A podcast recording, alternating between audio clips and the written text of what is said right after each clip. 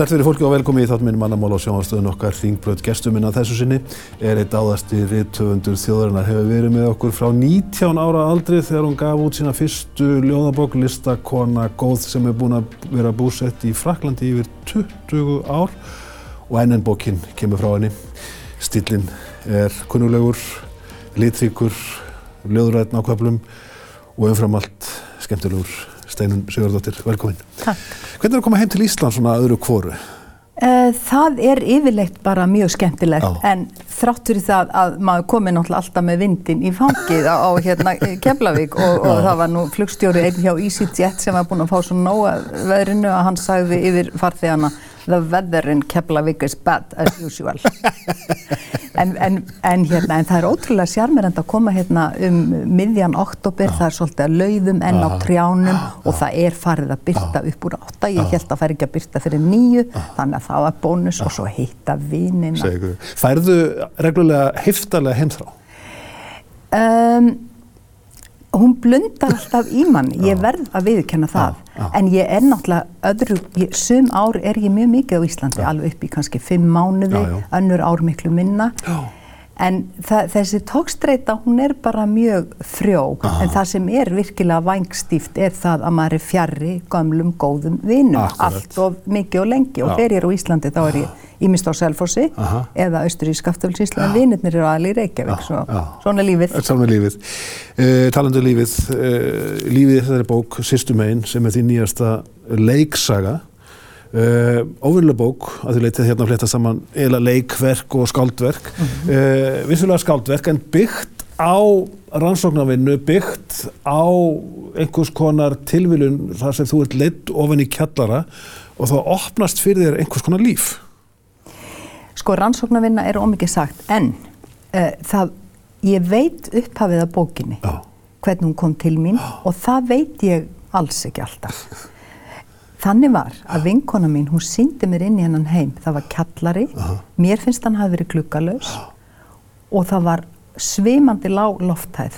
Og þar bjó kona einn og það var kemist klósett og þetta hvarf mér ekki úr minni. Þetta var ekki óhuguleg hýbili því að hún var snirti kona og, var með svona fallega hluti samt eða, já, en inni lókuna kendin. Ég, að ímynda sér að búa þarna þar sem að maður í, kannski sem að væri 1.80 geti alltaf staðið uppgjötur. Varðstu þessi kona? Maður skrifa sér oft inn í hlutina. Sko, ég ímyndaði mér allt um hana. Ég, ég ímyndaði mér hvernig er, hún dregur fram lífið á því að safna dósum Aha. og ég ímyndaði mér hvernig ferðu að því að næra þig. Já. Þannig að það, ég skrifa um það í smáadriðum í bókinni einmitt. og það er bara matseðlinn hennar og hún er svo úrræðagóð og ég, sagt, ég elska hana og dái staðinu og svo er hún líka, hún er það sem að mér finnst að við getum kallað, hún er góð persóna. Já. Og Hún kýr sér þetta líf í sjálfu sér. Eða Já? Eða eh, þetta er mjög flókin spurning. Já. Þetta er mjög flókin því að einhvern veginn lendur hún út í hotni sko. Já. Hún gerir það og hefur kannski ekki, hún, þá hún sé útsjónasum í eigin lífi þá er hún ekki útsjónasum í sambandi við kerfið Nei. og langt frá því. En þetta er veruleiki margra í Reykjavík. Fátæktin er viðlóðandi borgarsamfélagið. Þetta er sko rosalega sorglegt og svo kem ég líka inn á það í þessari bók eða þess að ein personan er heimilislaus. Og mér finnst bara að þetta þurfi ekki að vera svona og, og mér finnst líka að við verðum að snúa við hugsun okkar um fátækt fólk. Þetta eru einmitt ekki aumingjar og það var sóknaprestur upp á Akranes sem ég man ekki hvað heitir, sagði fyrir fáinu vikum í viðtali, ég hitti mjög mikið af fólki sem hefur kannski 40 krónur afgáns þegar það er hérna fyrir til að, að lifa af, þegar það er búið að borga leigu og hann sagði að þetta er úrræða besta fólk sem ég þekki. Þetta eru ekki aumingjar. Já. En steinu, við viljum ekki hafa þetta fólk á fórsíðu fréttaplassins núna í vikunni voru hús fyrir heimiluslösa sem eru gemd í geimslut í skerjafyrði vegna þess að vill enginn fá þau í hverfið. Þetta er sko viðregn góða fólksins Mm. við hitt fólkið. Já, við verðum að bylta okkar hugsun um þetta. Við getum ekki haft það þannig að fólk eigi ekki höfði sína aða hall fyrir að sofa úti í bílageimslum. Það er bara ekki hægt að hafa hlutina svo leys. Steinu, varstu góð stelpa?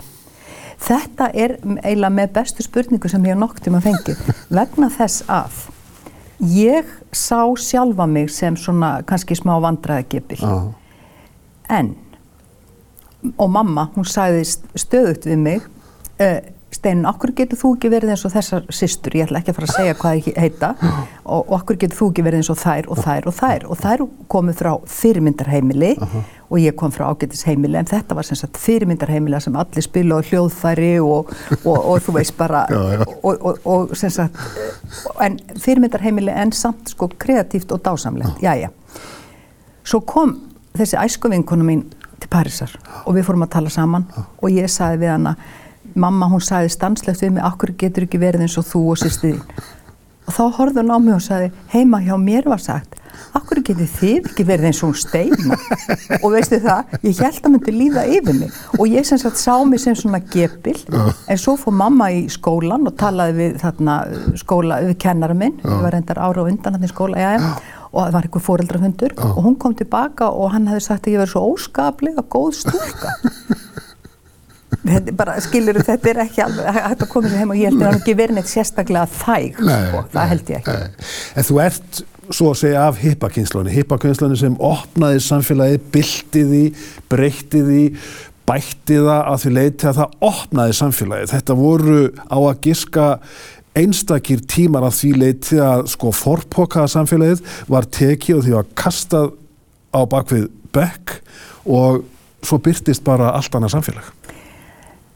Ég meina, ég er hippakynnslun, ég útskrifaðist úr MR 1968, ég var að vísa ekki nema 17 ára, ég var tveimur árum undan, Já. en sko það, þegar maður, maður upplifði þetta bara náttúrulega eins og að drekka vatn, þetta væri bara alveg sjálfsagt og allt, en núna þá finnst mér sko fullkomlega geggjað að hafa upplifað þetta. Þetta var bylting og lísti sig meðlans þannig að það var engin brú á milli okkar og foreldra okkar. Foreldrar okkar flestir þeir komu úr sveit. Og þeir aðluguðust borgarlífin aldrei almennilega og voru einhvern veginn ekki í tengslum við krakkana. Ég meina ég átti held í enga vini sem voru að trúa foreldrum sínum fyrir eina en einu, alveg saman hvað þeir voru góðir. Þannig að vinirnir eiginlega gengur hver öðrum svona í foreldra stað og maður trúði þeim fyrir ástasorgum og, og raunum og, og öllu mögulegu sko. Og hugsaðu þér að enn þann dag í dag eru Rolling Stones í gang og, og að, að lögin hafi lifað, þessi lög sem við dönsuðum okkur sko, við hérna bara heilu næturnar Kings og Rolling Stones og Beatles og, og allt þetta, að þetta, þetta lifir og lifir og lifir. Þetta, þetta voru algjörlega einstakir tímar og svo þetta frjálsræði, ég menna bara þetta var eitt partí. Og, og, og þessar sumarnætur og vornætur í Reykjavík þar sem að maður bara var úti að lappa með vinnu sínum og, og skemmta sér og ef ég er þakklátt fyrir eitthvað í lífinu getur sagt þið það, þá er það það að ég hafði það skemmtilegt einhver tíman. Vín og viltir eh, piltar. Já, þetta voru náttúrulega algjörir lausungatíma. Já. Það verður ekkert annað um það sagt, sko. Hvernig þá? Já, ég meina bara það svávallir hjá öllum. Það var ekki, þú veist, ég átti hérna vinkonur tvær sem voru inn í herbygg eitthvað með einhverjum tíu mönnum og þegar það kom út, þá sagði önnur, það var ennur upp fyrir mig, ég bara sofi hjá þeim öllum. Og þá sagði hinn, já, ég líka. þetta var svona svolítið, sko, og, og en ég meina þetta voru gefandi tímar og mér finnst eins og við höfum verið elskuleg við hvert Já, annað. Mér finnst það. Og hérna, og mér finnst að þessar horrorsögur sem er að heyra núna af unga fólkinu, þú veist að stelpur sé að fara í, í partí út, út á það að gefa, gefa einhverjum kynlífsgreiða og svona, mér finnst þetta svo ljótt Já. Og ég þannig að, að þetta voru algjörlega aðrir tímar. Já. Uh, þú gefur út þína fyrstu ljóðabók 19 ára gömul, sífellur. Láð það alltaf í loftinu? Nei, alls ekki. Ég bara byrjaði að skrifa í þunglindi úlísáran eitthvað stúrmúnd drang. Maður hjekk inn í herbyggi með lappinnar upp á skrifborðinu og, og hengdi haus og, og hérna og ég hafði komist rækilegi tæri við Stein Steinar og Hannes Pétursson og, og svo framvegis. Það var í gegnum mömmu, hún held upp á það. Pappi held upp á Bólu Hjálmar og Jón Helgason svo ég fekk þetta úr beint í æður frá báðum fóreldrarna. Og ég hef náttúrulega aldrei farið að skrifa svona nema af því að ég kom, hafi komist í tæri við íslensku mótenistana Já. Og um, svo einhvern veginn, ég get ekki útskýrt það, svo hér, bara lifði ég í ljóði, Já. til dæmis þegar ég var á kvennarskólanum í Sviss 15 árum sumarið, þá var ég með uppskrif, uppskrifaða tíman og vatni með Já. mér og var að þylja þetta í huganum alltaf þarna, innan um jöklana á ölbónum og allt þetta. Og, og lifði sem sagt í ljóði og hræðist og svo held ég að af því ég var byrjuð á þessu, þá blunda alltaf um ég ætla að gera betur, ég ætla að gera betur en það að verða reythundur á húsandi ja. og mér dætt mér aldrei í huga í yrði, ja. bara voru, konurna voru svo fáar og fyrirmyndirnar engar þegar maður var svona allast upp. Komið svo senkt og það voru svo fáar. Þetta var bara algjörlega karlæg yfja, ég veit ekki hvað þar voru fáar konurnar í reythundarsambandinu þegar ég gekk í það eitthvað 1970. Fjerstu það óþvið vegna að konur átti ekkert endilega að skrifa á þessum tímum, þetta var svolítið svið kalla og konur átti best að falla að vera bak við eldavelna? Sko þær áttu alveg öruglega til dæmis ekki að vera að skrifa skáldsögur. Já. Það var alveg klárt. Ég get ekki sagt ég að það fengið það óþvegið, heldur var tekið svona vinsamlega á mótið mér, Já. en sko það var tekið rosalega vel á mótið mér af almenna bókafélaginu. Ég fekk þann kjark að fara til þeirra því þeir eru gefið út litla sætar bækur með, mm. með konum, fyrir Guðmundsdóttur Nínu Björg, þá þorði ég. En þar fekk ég goða viðtökur en viðtökurnar sem ég fekk í, í þarna bókmyndagagrinu og ég held lengi vel að það hefði bara verið ágættar. Ég sá það núna aftur fyrir fáinum, eh, kíkta á þær, eh, komið upp úr einhverju, einhverjum kassanum. Þetta er bara rosalega talað niður á litla stúlku, já. finnst mér núna. Já, já. Allir tekstið til túlkunar, mér finnst það. Hróki, hróki. E, já, og líka það var fyndið. Ég held að enginn hafi spáð því að ég myndi ætti eftir að halda áfram. Ég, það, þeir voru ekki sannsbár, nú eru við 50 eitthvað ár. en breytingi núna 50 árum setna er algjör, sko, konur blómstra í ljóðum og skáldsögum og öllum listum.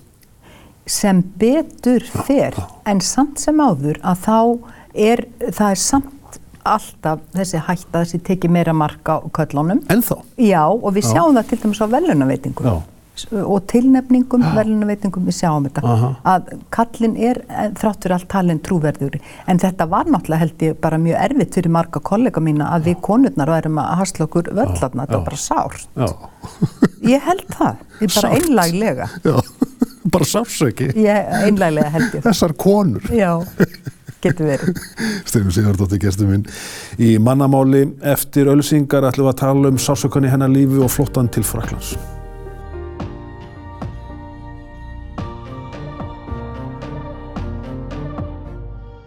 Sælverið fólki á nýja leik þegar hóra mannamál og sjáðastöðun okkar hringbröð og gestur minna þessu sinni er fransk-íslenski ef svo má segja er í töfundurinn Steinun Sigurðardóttur stundu kvölduð Steina að vinum sínum skaftfellingur og pínulíðil frakki. Hvað kom til? Af hverju yfirgafstu Ísafóltina og fórst til Parísar og fleiri borga í Fraklandi? Fyrir bráðum 25 árum eða ekki? Uh, kringu 2000. Já. Já, sko, Ég var náttúrulega búin að eiga heim í Dublin í þrjú ár Já, á, á hérna, háskóla árunum. Svo átt ég heima í Stokkólm í tvö ár í kringum 1980 Já. og það bara blundaði alltaf í mér að mér langaði að valsa á milli landana og París var draumurinn. Og þar áttum við Þorstein Haugsson, maðurinn minn, sem nú er, við erum til dæla nýgift eftir öll árin, tónskaldum minn. Þar áttum við heima í fjögur ár. Og undum hag okkar mjög ah. vel. Af hverju er París svona heillandi? Sko, nú erum við búin, búin að rifja hana rækilega upp aftur eftir Já. allt COVID-fárið því að við eigum núna heima bara í hálftíma fjalla frá borginni. Aha.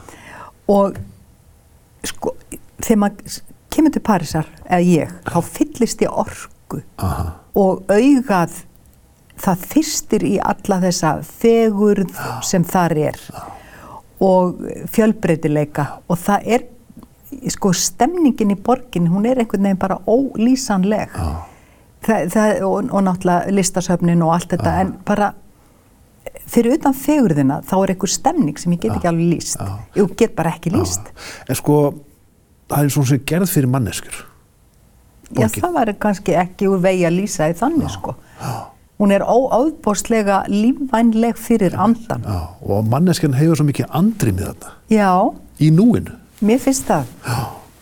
og ég komið ánga fyrst 1971 eftir að hafa verið að týna vimber í Beaujolais með vinkonum minni Gamli hippin Gamli hippin Hefði ég get nú sagt í smá sög af því ég var að talandi um hippa að hérna, ég var eins og að fara bóð, með litlum fyrirvara í sendiráðsbóð, matabóð í París og hérna ég var ekki rétt klætt og við vorum á bíl og kjóllin var í bílnum og það var hávetur og ég bara skiptum þött út á götu og svo sagði ég vinkunum minni þetta og þá horði hann á mig og sagði já, einsunni hippi, alltaf hippi. En sem sagt ég kem fyrst í Paris á 71 og við, við og vinkunum minni áttum engan penning við bara borðum einhverja bagettu með camembert og svo gengum og gengum, metro var í verkfalli og maður léttist um 5 kíló þessari viku og svo sátum við í Notre Dame og hlustum á orgelið og þetta var sko ólýsanlegt Já. og eitthvað sem hefur þessi fyrst, fyrstu kynni mín að Paris þau lifa með mér bara alveg stanslust. Þú ert búin að vera réttöfundur á Íslandi og í Fraklandi og víðar í mjög langan tíma skrifað bísninöllabókum, ljóðum og skáldsögum og sannsögum eins og þú kallar það við Vigdísi, Heiðabonda og fleiri. Uh, Hvers konar vinna er þetta? Er þetta ekki sálastrið? Jú, og þetta er sálastrið ofan á sálastrið vegna þess að uh, manneskjan býr við sálastrið í fyrsta lagi, okkar aðalslagur í lífinu er slagurinn við okkar hugsanir. Og ofan, ofan á það bætist sálastriði við skrippborðu sem er umtalsverð. Og þegar þú ert með lifandi personur eins og Vítísi Fimboðadóttur og Heiðu þá er það önnu sorta sálastriði vegna þess að þú berð ábyrð á lifandi mannesku. Ég get náttúrulega farið með, með, með mínar sögupersonur Já. nákvæmlega sem ég sínist. Uh -huh. Ég verð nú að segja alveg eins og er að ég, mér finnst rosalega skrítið að ég skulle hafa eitt æfinni lokuð inn í herbyggi og ég hérna kláraði Uh, dimmumót í eila tveimur spítala innlögnum í, á, í Fraklandi Já. svona fór langlegina með bókina og ég hugsaði mér hver er munurinn á þessu og minni, mínu daglega lífi, Já. jú það eru svalir á herbyggin á spítalanum og ég fæði mat inn til mín. Þannig að, að þetta er ég myndi ekki vilja leika þetta eftir mér. Ég hef sínt að mér alveg sko rosalega njárnaga í þessari vinnu og vinna á hverju mótni alltaf. Ég myndi ekki vilja leika þetta eftir mér en ef ég fengi val um að gera þetta aftur þá myndi ég samt gera það. Ah. og ég áttaði mig á því að ég yrði óhamingjusum til að æviloka ef ég leti ekki reyna á þetta. Ah. svo ég hætti í draumavinnunum minni á fréttastu útvarsins 1980 hugsaði mér ok, ég ætla að láta reyna á það hvort ég lifið þetta deg og ég er ekki döð en það Og sér það ekki eftir því? Nei, það get ég ekki gert. Þrátt fyrir sko stríðin sem stundum kalla fram sko kvíða, efa, reyði og grátur stundum það kallar þetta alltaf fram en það er til eitthvað sem heitir hamingaskáldsins eða sæla. Já. og svo ég gerist bara væminn þá las Stefan Hörður vinnu minn þessa hamingjur augunum á mér og sagði við mig einhvern tíman ég sé hamingju skáldsins í augunum á þér. Og það er ólýsanlegt þegar maður fyllist af hamingju eða sælu yfir einhverju sem maður hefur gert. En það breytir því ekki að ef maður er að skrifa um nógu erfiða og sára hluti jáfnvel þó þið séu ekki neitt nálagt manns eigin reynslu að þá kemur það fyrir að maður tárfelli við skrifborði og einu sinni þá var mér svo nóbóðið að ég hugsaði með mér þetta er ekki orðið almennlegt með mig. Og ég bara leitaði, tók það ráði ég spyrði Guðberg. -huh. ég sagði Guðberg hvernig er það, ferð þú stundum að gráta þegar þú ert að skrifa? Og hann horfið svona til lofti og sagði ég hugsa að þetta sé afskaplega algengt. Þá vissum að það talveg sem vita það. En þetta tekur brjálæfislega á. já. það gerir það. Já. en þetta eru svo miklar öfgar sko milli hamingjuskáldsins og sko kvíðaskáldsins og reytthárens við uh, viðtökurnar, við lesendur, við útgefendur, við bara menningarsamfélagið í heilsinni. Þannig að takast á sko ofsalar öfgar. Já, og svo náttúrulega bara kvíðin yfir því að er ég manneski til að skrifa þetta og geti klárað þetta og svona og hérna og það skiptir mann auðvitað máli að vera í hérna vinsamlegu umhverfi. Og ég verð nú að segja það bara alveg svo er að mér finnst andlega níska vera bara þó nokkuð uh, útbreytt fyrirbæra á Íslandi. Og mér finnst það ekki alveg einleikið að stærstu orð sem ég fæ um bækuna mínar þær kom í útlöndum. Og þar eru bækuna náttúrulega í þýðingum, þar er ekki á íslensku og ég er ekki alveg einu um þetta, ég var bara ekki, það er ekki lengra síðan en í gæri, ég var að tala við konu sem er í bókmyndageiranum og gera, vinnur á alls konar verkefnum og, og hún talaði um þetta, hvað þetta væri, væri landlæg andleg níska hérna. Andleg níska, hvað átt við, sko, gefur meina, fólk sko, sér ekki, sko... Um, skortur á andlegu örlæti, já. skortur á því að, að hérna, að segja eitthvað sem er uppörfandi og skiptum að mála, svo líka ákveði tómlæti, veist mér. Erum við bara töðandi þjóð? Sko, veistu það að nú ertu komið með mig út á mjög hálanins tuðandi, það væri kannski ekki það allra vesta uh, ég hlusta, ég sá vittal við Robert Badenter í Fraklandi fyrirverandi dónsmálar áðurann þeirra man, mannrettinda frömuð sem átti stæstan þátti því að afnema döðarefsingun í Fraklandi en þeir voru að knýja fallauðsina sko fram til held í 1980 hann sagði í viðtali frakkar eru ekki velviljuð þjóð og ég vil taka það fram að ég ætla ekki að fara að skrifa undir þetta, þetta er ekki í samræmi með mína reynslu, en ég fekk sjokk Já. því að þá var vinur minn nýbúin að segja um Íslandinga Íslandingar eru illviljuð þjóð Já.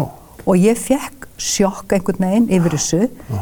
og ég er ekki að fara að skrifa upp á þetta Nei. en það eru hlutir hérna, því þú sagði töðandi, það væri ekki það versta það eru hlutir hérna sem að grassera sem við höldum að grassera ekki eitt er einelti, Já. það er ekki alveg einleikið að ég skuli þekkja tvær fjölskyldur sem hafa þurft að flytja mellir bæjarfélaga út af einelti í mm. skólum mm. þá er næstuði búið að drekja barninu í sundlegu í öðru tilfellinu og eineltið er það útbreytt að þeirri fór að þetta barst á tal við konu sem mm. er býr í afskektri fámennir sveit öll börnin hennar höfði orðið fyrir einelt í skóla og hún hafði þurft að flytja eitt vera yfir í, í annan landsluta. Þetta grassirar og rasismin, hann grassirar og við skulum ekki halda við séum ekki rasistar því það, þetta er svæsið. Og svo er líka taland um tuð sem kommentakerfin, suppu uh, orðbræðið þar, ég fer eiginlega aldrei inn á þetta Nei. en ég þarf eiginlega að fara í bað á eftir ef Já. ég kíkja á þetta. Þannig við verðum að kannast við okkur sem illviljuða þjóð. Að einhverju leiti, já. já. það er greinilegt sko, þetta, og, en það versta er að við höldum að við séum allt öðruvísi en, við, en, við, en þessir eiginleikar, við skulum se, reyna að hafa, tala um þetta með blæbröðum, það er eitt af vandamálum á Íslandi, það er aldrei talað um neitt í blæbröðum, það þarf að tala um hlutin í blæbröðum, þessir eiginleikar sem ég verið að nefna, þeir eru of ríkjandi. Já, uh, ég tek eftir því í löðanuðinum stöðunum og ég er búin að lesa þau til lagna allt útgefi efni frá þér, elska ljóðin eh, sem eru galgópaleg, hamingjusum, árenslu mikil inn á milli og uh, ofsalega tilfinningarík að það er nú ímislegt gengi á því þínu lífi. Það hlýtur að vera að þú sért að lýsa einhver leið til þínu stormásaman lífi. Sko, ég átti framanað að hluta til mjög stormasamt líf. Já. Ég myndi bara orða það mjög einfallega þannig, ég var mjög óheppin í ástum Já. að hluta til Já. og þá meina ég bara óheppin. Mm. En uh, ég hef orðið fyrir mjög miklu mótlæti, sásauka, ég þurfti að glima við veikindi, mm -hmm. en það eru góðir hlutir sem að ég ætti að hafa efst í huga eins og það að hafa fengið að búa í harmoníu með manninu mínum í 30 ár. Og við erum saman 24 tíma og sóla, hann er tónskáld og ég er rittundur og við erum vinnum heima.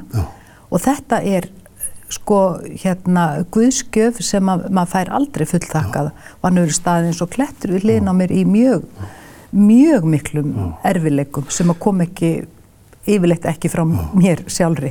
En þú hefur þetta staðanda í fjölskyldu erjum, erfiðu samband við dóttuðina, sko hefur þetta hjálpaður eða buga þig? Uh, þetta hefur náttúrulega ekki hjálpað mér, þetta hefur náttúrulega farið langleginu með að buga mig. Erjur eru eiginlega ekki rétta orðið yfir þetta, en bara mjög átakanleg fjölskyldumál, skulum við segja. Og uh, þetta hefur farið mjög nálagt því að buga mig, en Já. ég er nú hérna ennþá. Já, þrátt fyrir allt. Já, og ég held áfram. Já og ég á, á ætti nú eiginlega að fá eh, medalíu fyrir úthald if, if nothing else Þú ert nú marg velun einhver síður Takk, aldrei nóg Hvar hefuru helst fundið hamingina? Þú nefnist Þorstein, þú nefnir Ástina og þú yrkir óbáslega mikið um Ástina þú yrkir rosalega mikið um allar tegundur af Ástinni Er það Ástin þegar upp í staði? Er, er, er svar hippans við spurningum lífsins Ástin? Já, þegar stórt er spurt. En ég meina, eh, sko, allar, bara ástin hún verður að vera leiðandi afl, hún verður að vera light motive í lífinu. Já. og það er ekki bara ástin á, á manninum og elskuanum og, og badninu og, og foreldrunum heldur bara ástin á öllu sem lífsanda dregur, ástin á fegurðinni. Til dæmis núna, þá erum við heima í draumabæ sem okkur hafi lengi dreymt um að flytja til. Og rétt fyrir norðan París og ég er ástfangin á þessum bæ. En aðal ástin í lífi mínu nú kemur leyndamál, það eru orðin Orðin. ég bara leik mér aðeins frá því ég var pínu Já, lítil, ég já. byrjaði, ég lærði að tala strax bara, þú veist, ég var alltalandi innan með tveggjára, ég var byrja, lærði, bara búin að læra að lesa árin, ég var fjögur ára og þú veist að orðin eru bara er allt mitt líf. Orðin eru lífsnöðsileg. Já, og þau eru ekki bara það, þau eru, ég held að þau séu límið í lífi mínu, þú veist, það að hafa verið að glíma við þau alveg frá því ég var unglingur og þangað til núna. Þetta er límið sem heldur lífinu saman sko allan þennan tíma. Já. Haldt áfram að skrifa. Takk. Og til hamingi með nýja bók. Takk. Stefán Sigurðardóttir gestur minn að þessu sinni. Eftir viku verður annað gestur í hennar sætt að segja frá öðru lífi og öðrum störfum. Í mittiltíðinni verið góð hvert við annað.